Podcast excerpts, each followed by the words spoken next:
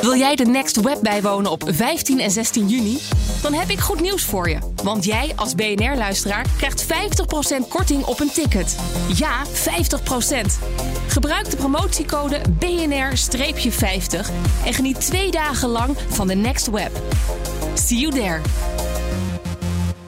Welkom bij BNR Nexus, waar het beste van tech samenkomt. Mijn naam is Ben van den Burg en vandaag discussiëren we over hoe Nvidia met grafische processoren 1 biljoen dollar waard werd en AI-bedrijven en autoriteiten die zelf een nood kregen slaken om regelgeving. Mijn gast is Jasper Bakker, bedrijfs-ICT-journalist van AG Connect. En het is een hele bijzondere dag vandaag, want we hebben twee co-hosts, Daniel en Joe. Welkom alle twee. Hi, ongelooflijk. Ja, even heel kort. Uh, die 1 biljoen dollar beurswaarde van Nvidia.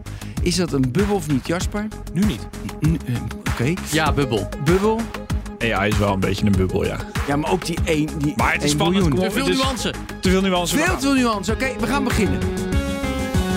Nou, mijn co-host, dat is uh, Joe. Ja, en natuurlijk ook Daniel, maar ja. die hadden we al, dus dat blijft allemaal even Voor de goede orde, ik ben heel blij dat Daniel juist nou. vandaag er ook even bij is. We hadden iedereen gebeld, heel veel mensen hadden andere dingen, maar Daniel is ook wel de expert. Jongens, hij heeft zich hier nou, ingedoken. Wat, nou, ik krijg een betoog straks. Oké, okay, maar eerst Hostred. Ja van Microsoft. Die heeft deze tekst gemaakt. Dus dit is de hostwet voor Microsoft. Daar komt hij. We zijn al best lang bezig met de implementatie van AI-toepassingen.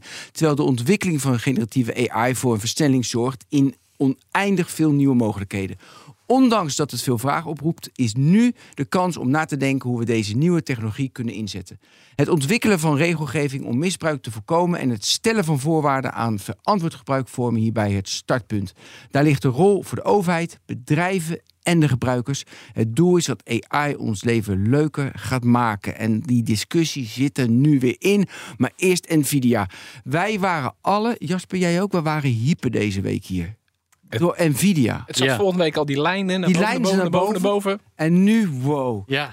En vorige week wilden jullie het er niet over hebben, want er was iets anders belangrijk. We mochten er niet over oh, hebben. We mochten er niet nou, over. Ik ga hem heel kort neerzetten, ja. want Daniel is de expert. Ik heb nu genoeg opgehyped. Nou, maar over hype gesproken. In de afgelopen zes maanden is de waarde van Nvidia met 126% gestegen.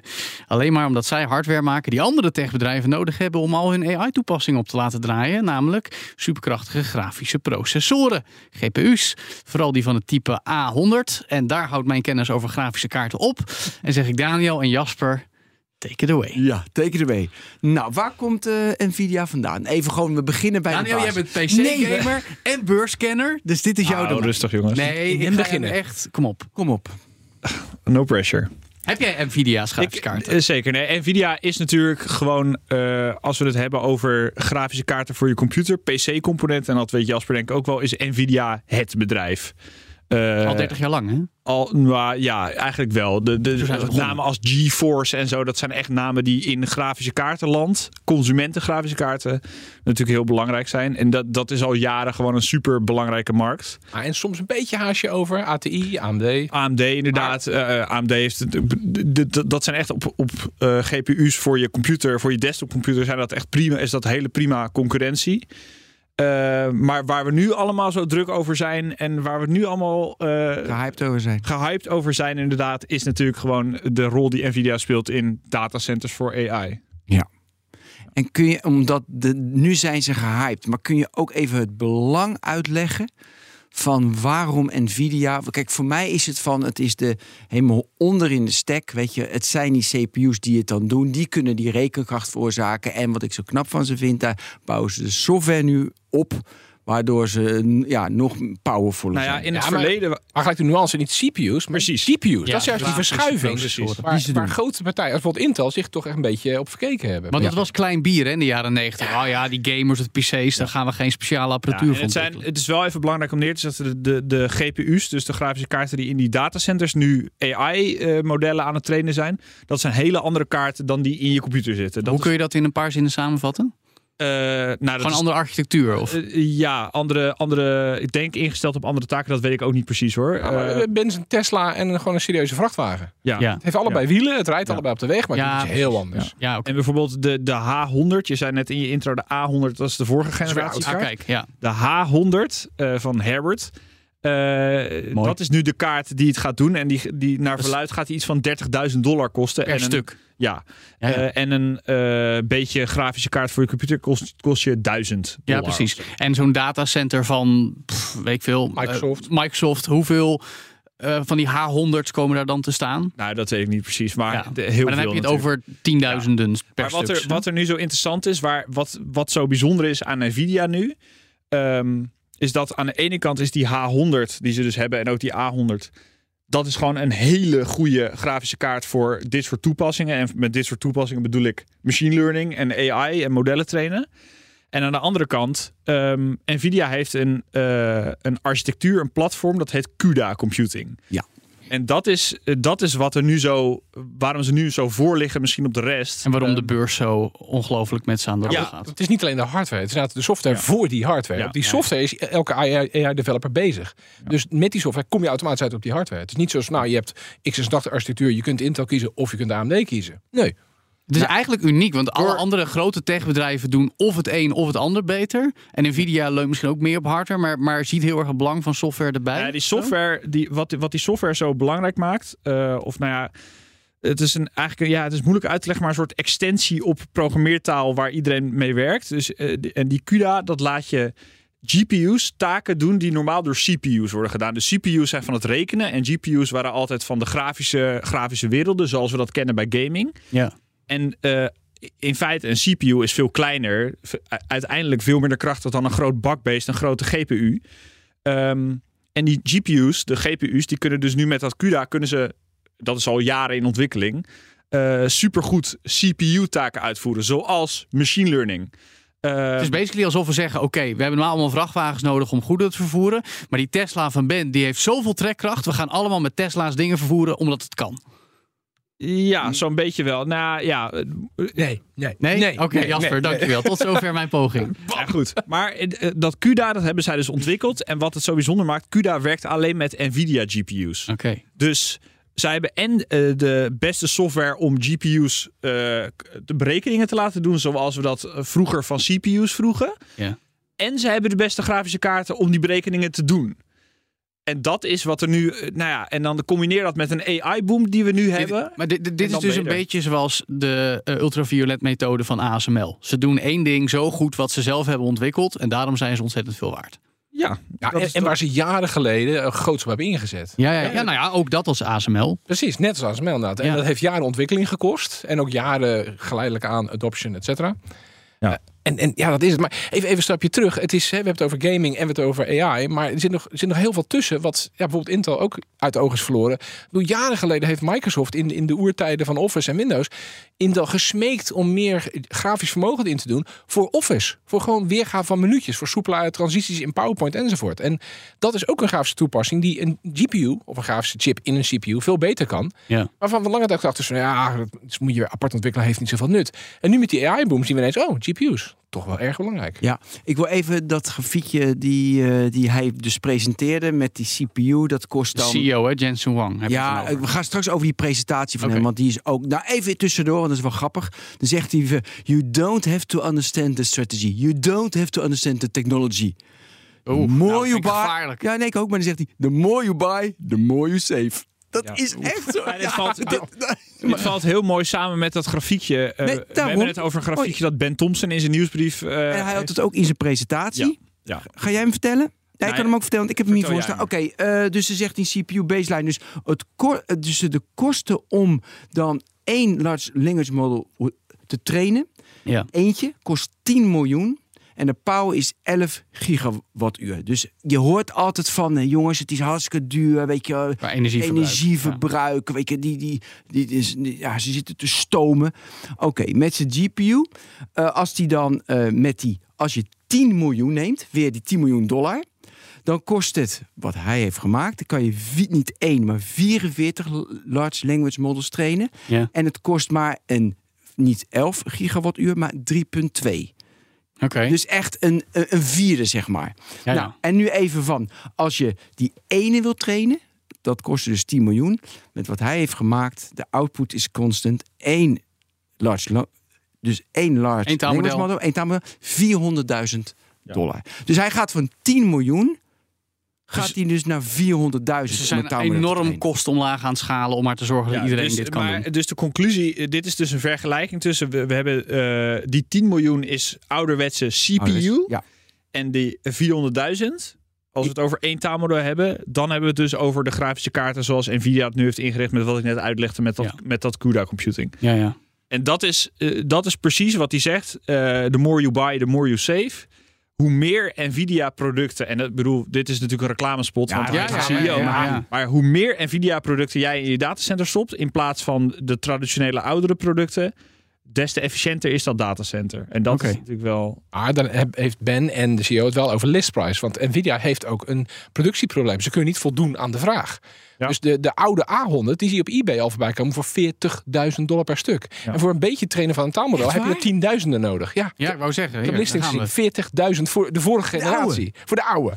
Want die is gewoon niet te krijgen. En die nieuwe, zou die dan veel beter te krijgen zijn? Het is alsof we nergens gekomen zijn. Want een 2,5 jaar geleden binnen een coronatijd... als mensen, kijk ook Daniel aan, een grafische kaart wilden kopen... dan gingen ze voor vier keer de prijs op eBay. Omdat ze zo schaars waren. Dit ging om de consumentenproducten. Zodat Ja, dit mensen, zijn natuurlijk- En dat kwam door de crypto, game- precies, dat ze, de- voor, door crypto mining. Maar dat ze game PC's konden maken... zodat ze net zo mooie dit games als PlayStation 5 Dit zit er natuurlijk ook weer gewoon in de. Dit zijn de. We hebben het nu over de meest geavanceerde processen. Ja, dit nee, is helder. allemaal TSMC Ja. Materiaal. Want daar wordt het gefabriceerd. Bleeding ontwikkelen. TSMC is de enige die het kan met machines, de enige die Ja, dat want kunnen. Wang zei ook van, oh, zo mooi dat in Taiwan alles gemaakt wordt. Ik vertrouw Ja. helemaal op de supply chain daar. ja, dat is logisch dat hij dat zegt. de hele wereld nog met samengeknepen billen zit over wat er met Taiwan gebeurt in onze chips eh, Ja. supply chain. Precies. Ja. Ja. Nee. Oké. Dus- ja, ga maar. Nee, ga je gang. Nou ja, wat ik ook naartoe wil, is wat ik onwijs interessant vind, is dat Amazon en Google en Microsoft de eigen chips willen gaan bouwen. Die, die willen de Nvidia chips vervangen. Dus wat je ziet, Nvidia begint helemaal onderaan de stek gewoon met een chip bouwen en die gaan omhoog. Ze hadden 4000 be- developers die nu al hun AI-modellen, hun producten Ja. maken op hun eh, 4000. Dus die gaan van onderaan de stek naar boven. En natuurlijk Google, Microsoft ehm, en Amazon, die gaan juist van boven. Gaan ze die datacenters in en zorgen ze uiteindelijk dat ze ook zelf chips willen maken. Die willen van die maken. afhankelijkheid van Nvidia Precies, natuurlijk. precies. Terwijl Nvidia, ondertussen begreep ik ook in een analyse, eh, dat ze juist kleine tech-startups, zeker die met AI bezig zijn, eigenlijk hun spullen uitdeden. Zo van hier jongens, Ja. gebruik onze dingen Dus maar. omhoog naar de check. Precies, ja. Eh, Maar- en die afhankelijkheid is nu zo groot. eh, dat bijvoorbeeld die H100, die nieuwe eh, de datacenter GPU van Nvidia, de, de beste die die ook in die presentatie noemt. Die afhankelijkheid is zo groot dat eigenlijk die, er is mondjesmaat begint die nu eh, beschikbaar te komen. En de Googles en de Microsofts en de Amazons, die hebben die, die eh, implementeren ze in datacenters, maar die gebruiken ze grotendeels zelf om hun eigen modellen te trainen. Die Ja. is voor klanten van die cloud services nog niet beschikbaar. Ja, ja. Maar Maar nu- zegt wel hoe belangrijk. Ja, ja, ja. Dit Maar wat is. denken jullie? Is het makkelijker om met een chip te beginnen en uiteindelijk eh, dat je bijvoorbeeld een nieuw kankermedicijn met AI kan verzinnen? Dus dat je omhoog gaat in de stek? Of je hebt al dat je een. eh, een, een Nee, maar die vergelijking snap ik. Maar ik bedoel meer, dit het komt toch vooral neer op de vraag... hoe makkelijk is het, ook al ben je een van de grootste techbedrijven ter wereld... om zelf AI-geschikte chips te gaan bouwen? Het is allebei niet makkelijk. ja, nee, maar dat is maar het is prima allebei niet makkelijk. tuurlijk, Als gamer heb ik me al jaren geërgerd aan die brakke drivers van die AMD-GPU's. Als van voor de consumentenkaarten. Hardware toko's die software maken, gaat bijna altijd mis. En software toko's die hardware gaan maken, gaat bijna, bijna altijd altijd mis. mis. Nee, maar dit is mijn punt ook. ja, Dit, is, dit, is, dit zie je bij elk groot techbedrijf doet één van de twee goed en de andere matig. Ja, maar Joe, dus terug naar de vraag. Ja. Het lukt Apple vrij redelijk, vrij redelijk, ik zeg redelijk, ik vind het zelfs goed om in die stack helemaal naar beneden te gaan, eigen chip ontwerpen enzovoort. Ja, dat lukt ze vrij Ja, goed. ja. Die zijn software op de hardware te Ja. bouwen, dus die hebben zitten in de hele keten zitten ze vrij redelijk. Maar die doen een eigen dingetje. Hè? En dat is meer consumenten. Ja, en nog niet met niks wat AI heet op het moment. wel AI, die neural engine in die ARM-chipjes voor Oké, ze consumenten. noemen het geen AI. laat ik Nee, zeggen. precies. Maar er zit wel goede versnelling Jawel, in. En Apple heeft natuurlijk een historie. Hè? Apple is begonnen als hardware eigen chips. Samen Ja. met IBM Motorola. Dus je, be- ja, oké, je begint met hardware, inderdaad, de software erop. Oké, maar nu terug naar mijn vraag.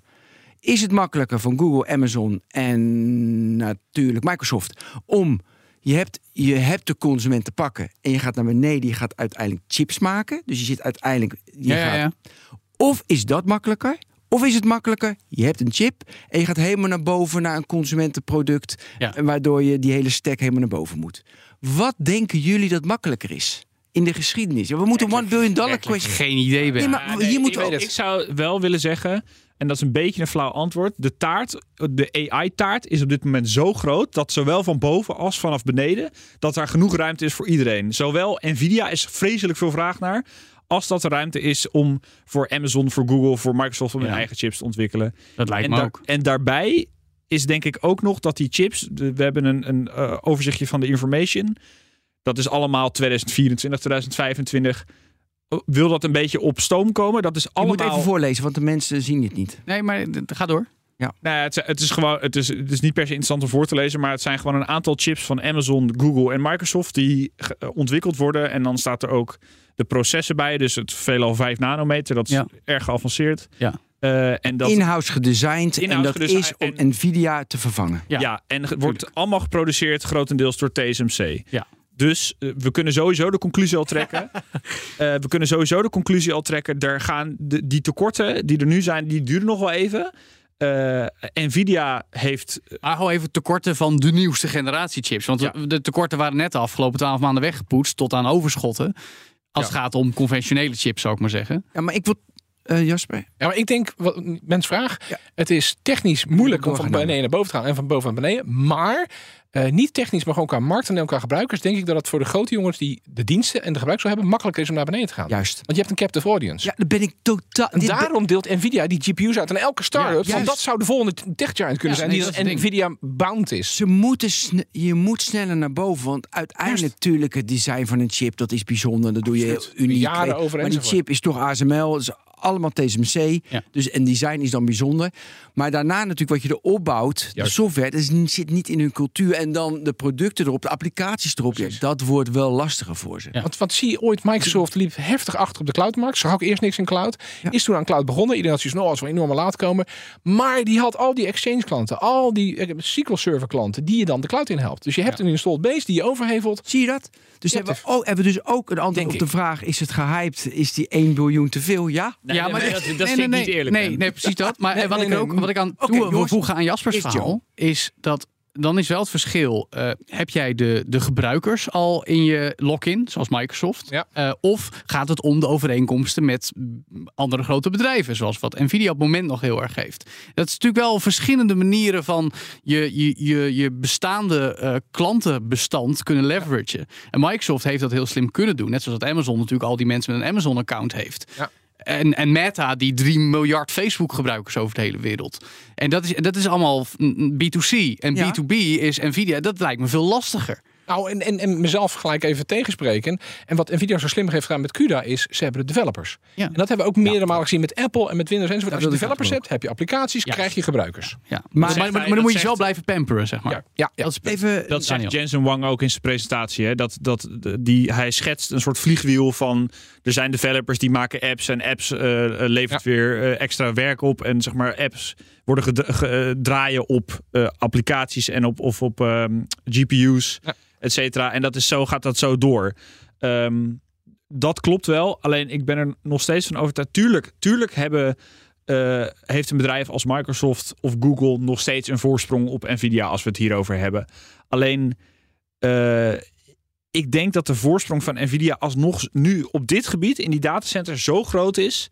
Daar gaan ze echt nog wel even van profiteren. Dus uiteraard, uiteindelijk is de big tech en misschien kunnen we Nvidia uiteindelijk ook een soort van big tech gaan noemen. Nou, dat zou mijn Beurs, vraag zijn. Ja. Je, nou, Ja? ze- voor mij zijn ze gewoon de nieuwe nummer 5, toch? Of de, Ja, of de nummer Meta 6 is als je. Meta, Ja, ja, Meta, Meta is een lastig geval. Maar, Het grote verschil alleen vind ik dat, dat Amazon, Google, Microsoft eh, en Apple dan op één. en eh, uiteraard Apple, eh, dat die ook meer macht hebben op een, op een bijna een soort cultureel niveau. Dat zou ik, zou ik willen zeggen. Terwijl Nvidia Ja. is natuurlijk gewoon. Omdat het meer consumer facing is. Precies wat ik net zei. ja. Weet je wel, die hebben al die gebruikers en die al tientallen jaren gewend zijn om met die merken te interacteren. En Nvidia, we- nou ja, jij kent ze door en door en iedereen in tech weet inmiddels echt wel wie Nvidia is, maar gaan de man op de straat en Nvidia, Nvidia? Ja, joh. Ja, maar Ja, wacht even. eh, jaren terug gold het ook voor Intel. Nee, natuurlijk. Intel leverde aan PC-makers en die leverde aan de maar consument. die hebben hun marketing gewoon heel goed gedaan met Intel Insight. Wat Precies, dat ook waar mag zijn. precies. Precies dat. Nou, en, en onderschat Jensen niet. Het kan best, de CEO van Nvidia kan best zijn dat hij ook zoiets gaat inzetten. Om het als, als household brand name. Misschien voor de Ja, maar dan zouden ze dat moeten willen. Dan moeten ze een dijk van een brandstrategie gaan neerzetten Ja, als maar ik Nvidia. denk, eh, ja, oké. en maar Intel is ook niet eh, die techreus die is dat nu niet meer. Nee, Met nee, alle klopt. respect. Maar ja, Ja, maar ze waren het wel, dus ik bedoel... ja nou, ja, ik, ik, zie, ik zie Nvidia dan misschien wel meer als. Kijk, qua beurswaarde zijn ze natuurlijk nu gigantisch. En misschien is dat omdat we in een bubbel zitten, misschien niet. Maar Nvidia is toch meer het bedrijf wat nu de, de schepjes en de pikhouwelen van de Gold Rush aan het leveren is. Ja, precies.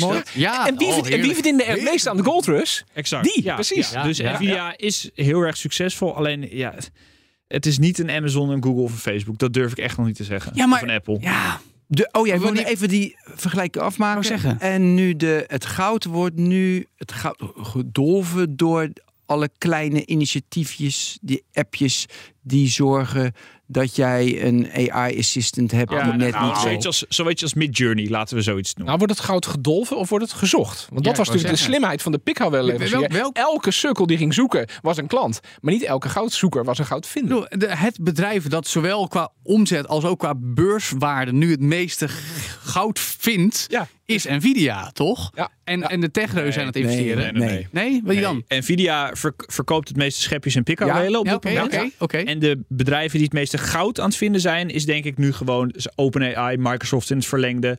Dat zijn, dat zijn de allergrootste goudzoekers. Verdient en dan heb je nog. Microsoft op het moment geld met wat ze met AI-toepassingen doen? Volgens mij zijn ze allemaal aan het investeren vooral. investeren. Ja, oké, maar dat is natuurlijk iets voor de toekomst. Tuurlijk, tuurlijk, nee, maar ik heb het even over Dus is de this, this point in time, hè?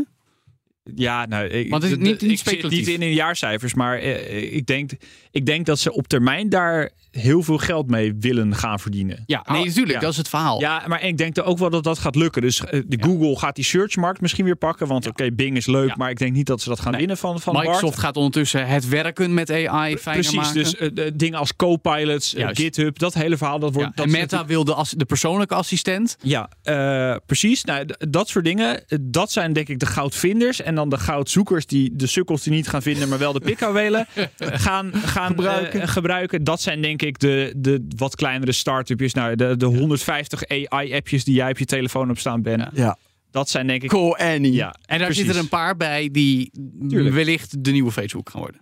Tuurlijk, dat, dat gaan we zien inderdaad. En, maar ik denk dat Nvidia, en dat is misschien ook wel de kracht van Nvidia, dat zij gewoon al jaren inzetten op gewoon een heel, eigenlijk een best wel simpel businessmodel. Dus aan de ene kant hebben ze gaming, dat hebben we het nu helemaal niet over, maar dat is Nee. eigenlijk nog steeds het belangrijkst. nog steeds stabiel, hè? Eh, ja, en, en eh, cloud Ben zei, eh, we hadden het net hier even over voor de uitzending. En toen zei Ben, ja, gaming is niet echt meer een groeimarkt. Toen zei ik, ja, inderdaad, klopt wel.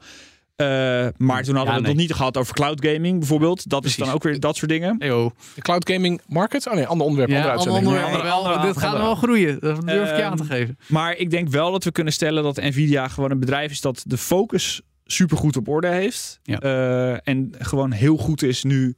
Weet je, er is nu ineens een nieuwe goudader gevonden. En die, zij, staan, zij stonden eigenlijk al vooraan met pikhouwelen en schepjes. Ja, Nou, en niet Dat alleen dat, maar op Computex heeft de CEO van Nvidia ook aangekondigd dat ze met kant-en-klare server designs gaan komen. Ja. Dus, Ja. dus van pikkelwelen gaan ze ook naar de, de karretjes en de Full, rails. full of zo. service, draai hier je AI-toepassing maar. Voor al jouw gouddelf eh ja, pogingen. alles ging over goud. hier staat op die de AI-robot die goud voor jou uit de grond graaft. Je hoeft alleen maar 100 per zoveel te betalen. Precies, precies. Mooi. Maar goed, terug naar die, die techhuizen die dus willen afdalen. Naar Ja. de, naar de- eh, Dit is echt een heel interessant onderwerp. ja, ja. Ik denk dat het daar ook een motivatie speelt. En dan ga ik even van, van eh, supercomputers, datacenters, GPU's, AI naar gewoon je smartphone. Eh, daarom is Apple op een gegeven moment met het ARM-design een eigen ding gaan doen om te proberen onderscheidend te zijn. Want eh, het, het gaat om de software, het gaat om het taalmodel, het gaat om het trainen, maar het gaat ook om de hardware. En Google heeft dan hetzelfde als Microsoft. Ze hebben andere algoritmes enzovoort, maar ze hebben allebei Nvidia eh, Ja. met tienduizenden in een datacenter staan. Stel dat jij een eigen chipje hebt wat dat ene dingetje net wat beter kan. Dan heb je een onderscheidend vermogen, al was het maar voor je marketing. Ik vind het ook grappig hoe, eh, hoe we het nu, de, de afgelopen weken en hier nu, zo over Nvidia hebben. Terwijl ik had in 2018 had ik een interview met een Nederlandse topman voor Nvidia EMEA. Ah, heel toevallig had ik dat op het even- evenement van hun, de GTC, was in Amsterdam. En eh, toen- daar was ik ook van op vraag van wat Nvidia in de automotive deed. Met autonome rijden, Ja, ja, bij ja. merken. En ook in de autosport, bij Formule 1, met alle datasimulaties die toen nog gedraaid werden.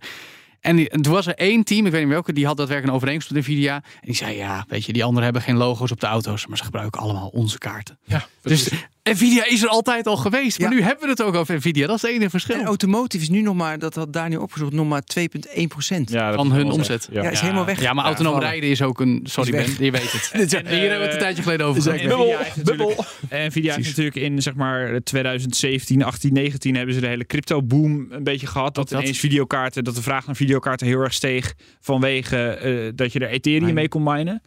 Maar wat er nu denk ik aan de hand is, is nog wel twee of drie orde groottes eh, groter. Joe, jij triggerde me met de opmerking eh, dat er dus één klein appje komt. Dat wordt een AI-appje, bijvoorbeeld Call Annie. Mhm. Dat wordt de nieuwe Facebook. Facebook. Ja. Daar trigger je mee. Oké.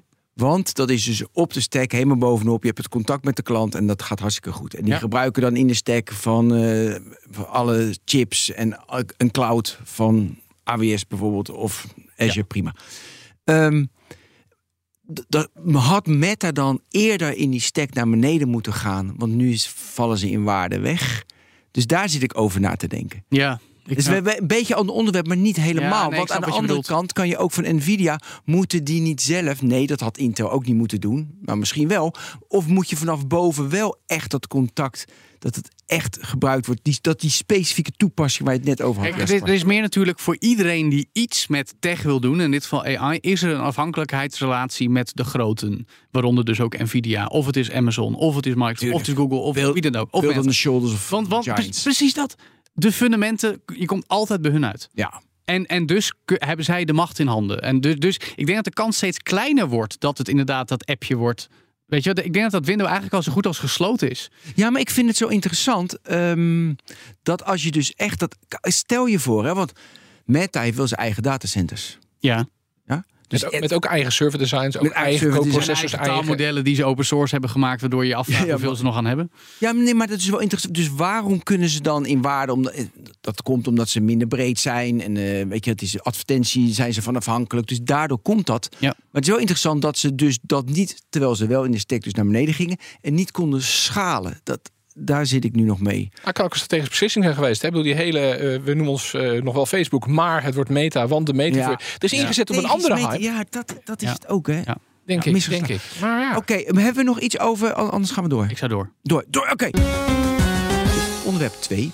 De meest vooraanstaande bedrijven en onderzoekers op het gebied van AI. Oh ja, deze week willen dat overheden nu echt de risico's van AI serieus nemen. Joe, wat is er aan de hand? Nou, nu horen we het dus van anderen. Want dit is niet die oproep van twee maanden geleden. toen er zes maanden ontwikkelingspauze moest komen. omdat Elon Musk en allerlei mensen had overtuigd om eh, die petitie te tekenen. en ondertussen zijn eigen AI-bedrijfje aan het optuigen was. Met 10.000 Nvidia GPU's. Precies. Ja. Ditmaal zijn het juist mensen als Sam Altman, CEO van OpenAI, het bedrijf achter ChatGPT, en de CTO van Microsoft. En de topmensen van DeepMind, geleerd aan Google, en van Anthropic, een nog wel onafhankelijk AI-bedrijf. En twee van de drie godfathers van AI, namelijk Jeffrey Hinton en Joshua Bengio. In totaal 350 vooraanstaande namen in AI die met elkaar zeggen, en ik citeer, beperking van het risico op uitsterving door AI zou een wereldwijde prioriteit moeten zijn, naast andere risico's die de hele samenleving raken, zoals pandemie en kernoorlogen. Gooit even Dus. op één hoop. Ja. Oké, Jasper Bakker. Hoe serieus eh, moeten we dit nu Ja, nemen? diezelfde Sam Altman heeft gezegd tegen de EU: ja, leuk die eh, AI-regels die aan het instellen zijn. Maar als ze te streng zijn, dan eh, willen wij geen zaken meer doen in Europa hoor. Nou, nee, hij dus zei, hij wil regulering, maar. hij zei dan zouden we gaan overwegen om ChatGPT niet meer beschikbaar te hebben in Europa. Je beschuldigt mij nu van het gebrek aan nuance? hè? Nee, nou ja, goed. Daniel Mol, hoe serieus moeten we dit nemen? Ehm, ja, dit is een beetje alsof de wapenfa- wapenfabrikant waarschuwt voor, voor de, het gevaar van pistolen. Niet dus. Ik weet, nee. Joe van Ah, Buurik, hoe, nou ja, hoe nee. serieus moeten we dit nemen? Nou, ik, Joe gaat er met twee benen in. Nee, ik krijg, ik, nou, zou ik je zeggen, ik krijg hier vooral hoofdpijn van. Omdat, ik, omdat we hebben het nu al meer dan zes maanden heel vaak over AI. En dan gaat het heel vaak over deze discussie. En het lijkt alsof we iedere keer opnieuw de discussie voeren. Misschien net ietsje anders, omdat het weer iemand anders is die het gezegd heeft. Maar nu is precies wat Daniel zegt. Nu zijn het de wapenfabrikanten zelf. Want ondertussen zijn juist de mensen die deze, nou toch wel meest luide oproep, moet ik zeggen. Dat is dan ook het opvallende ondertekenen. Die wel zelf vrolijk AI aan het ontwikkelen zijn. En wat willen ze dan? Willen ze tegen zichzelf beschermd worden? Weet je wel? Zo van, ja, weet je, we moeten dit wel doen, want we zijn, dit is. Ik heb jarenlang in de Formule 1 rondgelopen. Ja, Daar- en daar- hoe, hoe was het daar? Nee, ja, maar daar gebeurde dit ook. Dat teams zeiden: help, we geven honderden miljoenen per jaar uit. Zorg dat we dat niet meer doen. Ja, doe het dan gewoon niet meer. Maar ja, omdat ze het allemaal aan het doen zijn, kijken ze naar de, de governing body, in dat geval de FIA, om te zeggen: bedenk iets zodat wij dit niet meer doen. Ja, maar de eerste die dat minder gaat doen, is gelijk ligt achter. Verliest. Nou, Letterlijk dat is, nee, maar Ja, dat maar- is het punt. Dus het Maar- lijkt alsof het is, het is dan, ja. moeten ze toch wel, dan is het toch gewoon een punt? Ja, maar, dat, dan, dat je, maar dat je Daniel is een vergelijking van, van wapenfabrikanten. Eh, The only way to stop a bad guy with an AI is Ja, a good guy with an AI. Ja. Zoiets. Nou ja, ja. maar dat is het punt. Want juist ook ondertussen, eh, zoals Sam Altman en ook tal van anderen. En Sam Altman is nog wel het beste voorbeeld, vind ik. Want ik heb nog een keer extra een profiel van hem gelezen. Basically heeft hij jaren geleden, 2015 volgens mij, toen hij net bij OpenAI eh, begon, begon, samen met Elon dat hij zei van eh, over zoveel jaar gaat AI de mensheid vernietigen en in de tussentijd zijn er fantastische bedrijven ontstaan. Ja. Het- Wat hebben we daaraan? Wat? Dat er fantastische bedrijven ontstaan zijn en we daarna met z'n allen doodgaan. Beurswaarde. Nee, ja, oké. Ja, maar dat die, het, het, het, het, het, het zorgt voor een heel raar soort abstracte kortzichtigheid van waar het bestaan naartoe zou gaan. Nou ja, het, is, je? het is misschien ook even, even, eh, heel cynisch naar eh, meneer Altman, maar misschien is het ook een beetje afschuiven van verantwo- verantwoordelijkheid. Nou ja, ik ga keihard en ook jij dat. moet mij tegenhouden dat ik geen mensen dooddraai. Want ja, jij moet reguleren. Hoe ik het een beetje zie de laatste tijd, is dat het bijna een soort eh, marketingcampagne aan het worden is. Dus dat. Heel erg dat, Ja. echt heel dat, dat futuristische wat we ook van Musk kennen. Van de, de mensheid gaat uitsterven, dus we moeten naar Mars. Net zoals, dat is een beetje hetzelfde gevoel wat ik hierbij krijg. Is van AI wordt zo krachtig en het gaat zo bepalend worden. Daar moeten we bang voor zijn. Reguleer ons. En, en als puntje bij paaltje komt, en dat zeg je terecht Jasper.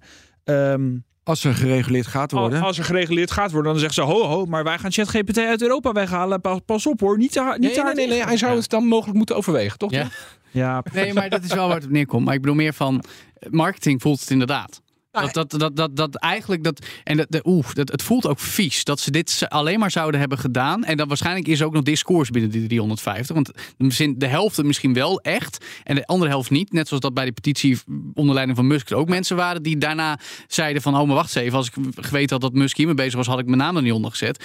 Dat is eigenlijk ook onderling zoiets hebben. Dat een deel heeft. Ja, maar we moeten hier wel mee doorgaan. Een deel van ja, nee, het is echt gevaarlijk. Maar aan de andere kant Dus het wordt weer, heel troebel. regulering, ik, ik zie daar wel enig heil in. Want als het overlaat aan zelfregulering, dan krijgen we figuren Nee, als dat- Musk en, en, en ja, die vol gas gaat. Zelfregulering is geen optie. Het punt is meer, zij maken ook in deze oproep, en dat hebben we vaak gehoord, de vergelijking met het Internationaal Atoomagentschap. Terwijl ik heb dat toen ook even opgezocht bij Bloomberg.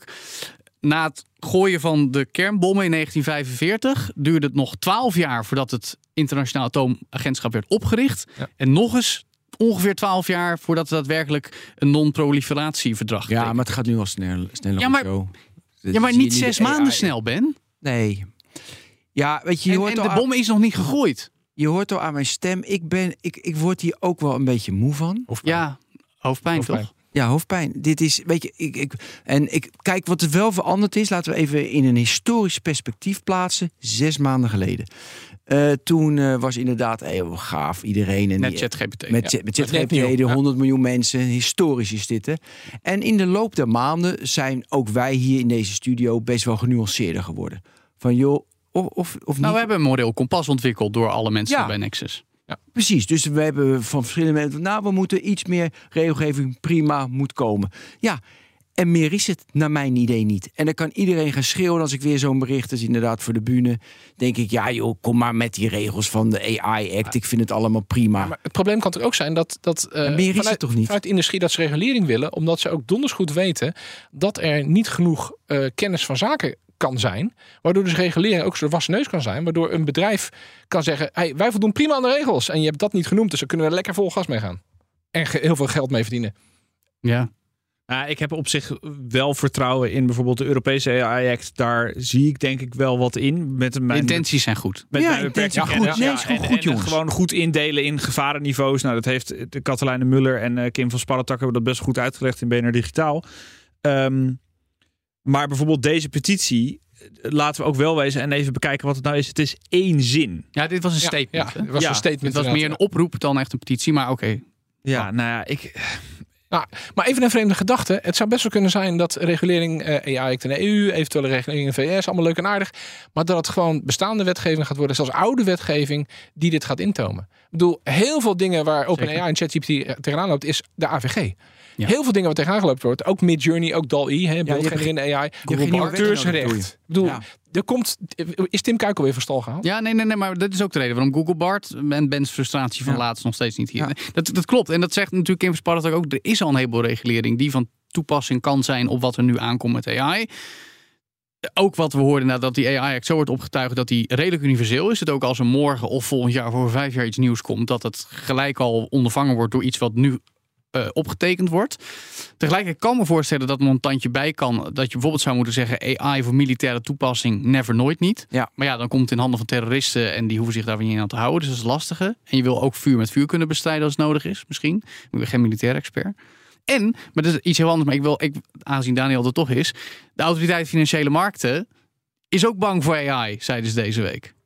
Ja, maar Wat maak je daar dan van? ja, dit vind ik wel een beetje een... eh, Flits trading. Ja, crash, nee, high frequency trading. Ja, dat denk ik. algoritmes worden al bij de vleet al gebruikt. hè? jaren. En we hebben al een paar Ja. hele grote crashes gehad. Maar Ja. wat zou dan nu het verschil zijn met de oktober ik, vind- ik, heb 87. het, ik, ik heb het idee, eh, ik bedoel, de AFM zegt heel veel zinnige dingen. Alleen dit is eh, een beetje soort, ja, een beetje soort spuitelf. Wij willen ook even wat zeggen over AI. En we moeten, wij bekommeren ons om de beurs en de veiligheid van de consument. Eh, Nou, en misschien ook wel de waarschuwing naar financiële experts dat AI daar ook invloed heeft. Ja. Je zou zeggen dat weten ze best wel. Net zoals je zou zeggen, advocaten weten ook wel dat ChatGPT niet moet geloven. Maar god, toch was er in Amerika een advocaat die argumenten indiende op basis van zes zaken, waaronder een zaak tegen KLM, die allemaal niet bestonden. Ja, hij heeft op Facebook gestaan. Hè? Precies. Oké, maar even, we- nu, zit, nu zijn we het aan het bagatelliseren. Mm. Dat moeten we ook niet doen. Nee, maar ik wil nee, ik, nee, nee, want- ben, ik Nee, bagatelliseer absoluut, niet. absoluut niet. Ik bedoel Ik juist dat de AFM hiermee een signaal geeft aan financiële experts, die geen computerexperts of AI-experts hoeven te zijn, dat dit ook mis kan gaan. Het punt Ja. is meer, Ben, ik krijg hoofdpijn van dat letterlijk alles en iedereen oproept. Kom met AI-regelgeving, inclusief de mensen die zelf AI maken. Ja. En er, en er gebeurt niks. Nou, nee, Nou, nee, nee, nee, Oké, nee, niet, nee. niet niks, niet niks. Het is nee, er maar, niet nee, nu. nee. Nee, maar, nee, maar oké, er nee, maar heel veel. waarom wordt er dan niet gezegd? En het is inderdaad ook de, de knife edge van het ene moment zeggen we hebben regulering nodig, dan komt er een beetje regulering. Oh nee, we gaan stoppen. Dus het is, Mm. het is, het, er is geen, er is, het is alleen maar zwart of wit. En iedereen is grijs Nou, aan het roepen. Dat ben ik met je eens. Het is behoorlijk zwart en wit. Maar ook door, hier komt ook bewustwording. Dat bedrijven, weet je, policies gaan maken. Hoe gebruik ik ChatGPT Tuurlijk, intern. tuurlijk, tuurlijk. Nee, maar dat is dus... Ja, er zijn natuurlijk ook. De, Dus eh, positief eh, lijkt mij. Ja, ja, nee, Bijvoorbeeld zeker. Microsoft heeft natuurlijk gewoon wel een vrij duidelijk ethisch kompas Daarom. Hoe ze AI willen gaan inzetten en gebruiken. Dat is, Maar ja, dat heeft... eh, ja, dat- kan iedereen AI, zeggen. dat ben ik helemaal met je iedereen eens. Ben ik helemaal met je eens. Dat kan Misschien iedereen zeggen. slogan, do no evil. Nou, en kijk, wat ook wel weer is, dat is ook wel eens een paar keer benoemd, onder meer door Ilias Tanzula in Nexus. Het is ook hoe ver is de angst echt legit? Weet je wel, want ruim 100 jaar geleden kwam de auto en was het ook van ja, maar er gaan. Kijk, en natuurlijk, er zijn ook dodelijke ongelukken door auto's in het verkeer gekomen. Ja, dat is erg, maar we zijn niet uitgestorven als menselijk ras. En Ja, ik zou ik- de ik publicaties. zit aan deze kant. Ik zou de zegt. publicaties terug moeten zoeken om te zien wat er daadwerkelijk toen geroepen is. Maar ook toen was er natuurlijk de angst. En, de- en met de atoomoorlog, dus die vergelijking is legit. En zo kunnen we nog een paar noemen. Dus wie zegt er nou dat Nou, het ik vind, ik vind echt dat de, de, experts allemaal... Er zijn ook experts die zeggen van... Weet je, het, Ja, zoals, zoals de derde godvader, Jan LeCun van Ja. Meta, die zegt het is allemaal overdreven. het is overdreven. die zegt de huidige toepassing is eigenlijk, verbaast me niet, is helemaal niks bijzonders. Nee, maar ik vind dat we de, de, ze over. Ja, weet je, ze geven niet echt duidelijk. Ja, nepnieuws, desinformatie, overload, uiteindelijk banen verdwijnen. Maar dat, ik vind dat nog wel. Misschien ben ik te naïef. Nog een beetje. Maar volgens mij gaat het meer om het weaponizen. Dus het letterlijk gebruik van AI ik zou- Ja, voor ik zou zeggen, eh, En wapens als kunnen over, maken. als we het Nou, over ja, het uitroeien of het uitsterven van de mensheid hebben door AI, dan, hebben we, dan zijn we volgens mij over AGI aan het praten, die dan Ja, dat, en uiteindelijk zijn eigen ding gaat en doen. dat doet nog wel Nou, dat weet ik niet. Dat, dat wordt voor mij ook al juist in de context van... je hebt nu al de drones die boven Oekraïne vliegen. Als je daar even heel versimpeld AI aan toevoegt... dat ze zelf doelwitten gaan zoeken. Dat is volgens mij al een van de angsten die geprojecteerd wordt. Ja, maar dat gaat niet. maar die dat zorgt natuurlijk niet voor dat de mensheid uitsterft. I don't know. Ja, oké. Maar goed, dan moet je ook natuurlijk afvragen hoe erg is dat als we uitsterven? Want we sterven toch wel uit. Ja, en dan sterf je drie, vier eeuwen eerder uit. Nou, zo what. ben- Oké, ben- eindjingle, klaar. Daniel en ik in elk geval. En, en Jasper ook. Ik wil er nog wel iets langer dan jij. Ja, blijven. precies, precies. drie gezichten. Ik heb een kind van twee, Ben. Oh ja, die moet je nog even goed Die wil ik ook begeleiden. ja. graag. Waarom heb jij een kind in deze wereld gebracht? Nee. nee, maar goed. Hoeveel, en en jij, eh, Jasper? Oké, maar we misschien even tot slot, eh, Daniel, en even voor ons allemaal. Wat, hoe moeten we hier nu mee omgaan? Wat is een verstandige manier om met al die angstberichten om te gaan? Ehm, Joe, Joe mag beginnen. ja, nee, maar ik, ik, hier denk ik best wel eens over na. Maar kijk, voor ons is het ons werk. Dus voor ons is het per definitie anders. Ik denk dat het goed is om je om gezond sceptisch te zijn. Zoals we dat eigenlijk met social media van meet af aan ook hadden moeten zijn. Maar we hebben social media gehad om die, nodig gehad om die les te leren. En ondertussen gewoon lekker gaan slapen en sporten. En eten. En die Oké. moet ik doen. Oké, Jasper? Je Eh, moet iets anders noemen, hè? gezonde balans zien te vinden tussen de angst niet laten overheersen, maar wel serieus nemen. Ik bedoel, de Koude Oorlog, de kernoorlog, het had elk moment kunnen gebeuren. Alleen je moest daar niet daardoor helemaal depressief in een hoekje gaan zitten en het heeft toch geen zin meer, laat maar vallen, het komt er toch wel van. Nee, wel doorgaan en probeer de wereld te verbeteren. Daniel? Je moet iets anders noemen. Ja, ik zou zeggen, leer, leer, leer omgaan met de AI. Zorg dat je, dat je nu al eh, in je werk ChatGPT aan het toepassen bent.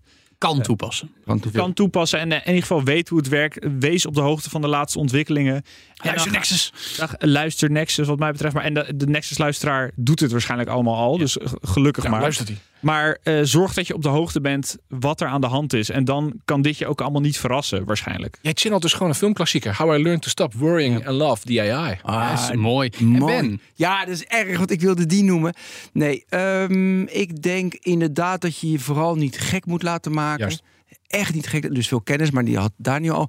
Niet in alle rust bekijken en het heel erg zien, dat vind ik ook belangrijk. Van, hé, hey, wat gaat er gebeuren? Heel waarachtig naar de toekomst kijken.